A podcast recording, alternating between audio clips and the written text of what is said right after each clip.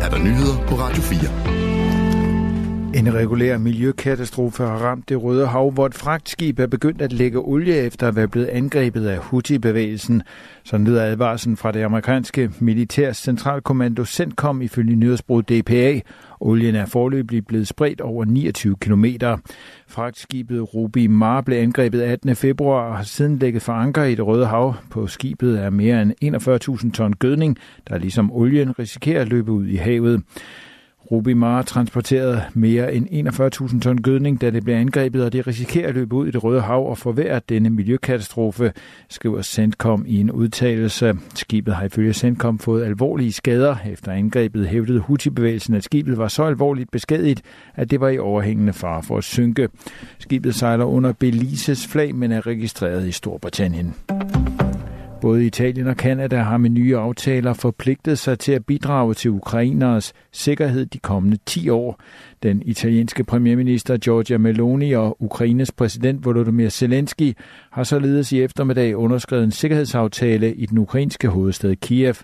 Også Kanadas premierminister Justin Trudeau har indgået en 10-årig sikkerhedsaftale, det skriver nyhedsbruget Reuters. Giorgia Meloni og Justin Trudeau er på besøg i Kiev i anledning af toårsdagen for Ruslands invasion af Ukraine.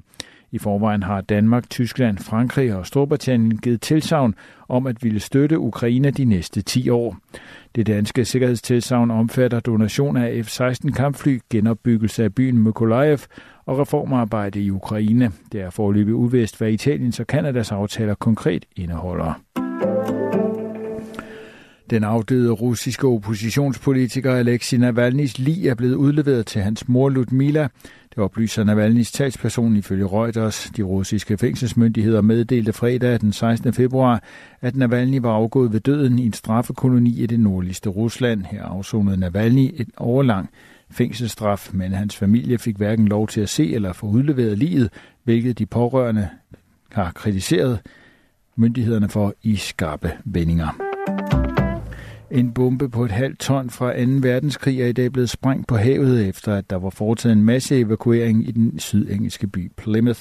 Det oplyser det britiske forsvarsministerium. Den tyske bombe var blevet fundet i en baghave i byen tirsdag på St. Michael Avenue i bydelen Keham. Det rapporterer nyhedsbruget AP. Det er en af de største evakueringsoperationer i fredstid, lyder det fra Forsvarsministeriet. I alt blev over 10.000 personer evakueret. 1.200 ejendomme var berørt af operationen. Siden tirsdag har 30 af det britiske militærs mest erfarne bombefolk arbejdet i døgndrift for at finde ud af, i hvilken tilstand bomben var og hvor farlig den var. Bomben, er det fastslået, var af typen SC-500. Ifølge bombeeksperterne var den til betydelig fare for byens borgere. Der blev derfor beordret en 300 meter sikkerhedszone omkring stedet, hvor den blev fundet. Med hjælp fra 100 militærfolk og redningsfolk lykkedes det i går at fjerne bomben og få den trukket ned til havnen. Her blev den fragtet ud på åben hav og i dag detoneret.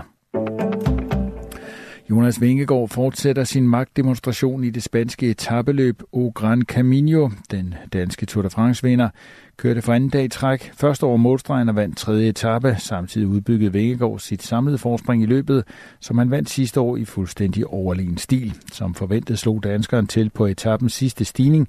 Her kørte han alene op til førende Pablo Castrillo, som han fulgtes med i nogle kilometer. Spanieren var dog tydeligt træt, og på nedkørslen sagde Vingegaard farvel til sin følgesvend, og begav sig ud på 12 km soloræs mod målstregen.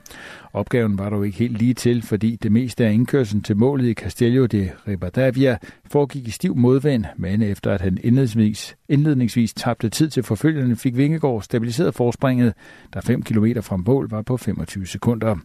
På det tidspunkt opgav rytterne bagved til syden at fortsætte jagten, og da kun, kun uheld fra Bristre Vingegaard endnu en etappesejr. Danskeren passerede målstregen i ensom majestæt, og først 31 sekunder efter kom spanieren Carlos Canal i mål på anden pladsen. Vingegaard har nu et komfortabelt samlet forspring på mere end halvandet minut til den nærmeste rival, Egan Bernal, inden sidste etape, der køres i morgen.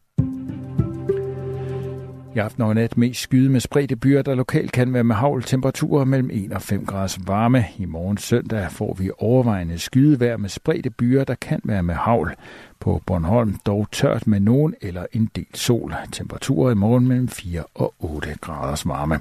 Det var nyhederne på Radio 4. De blev læst og redigeret af Thomas Sand.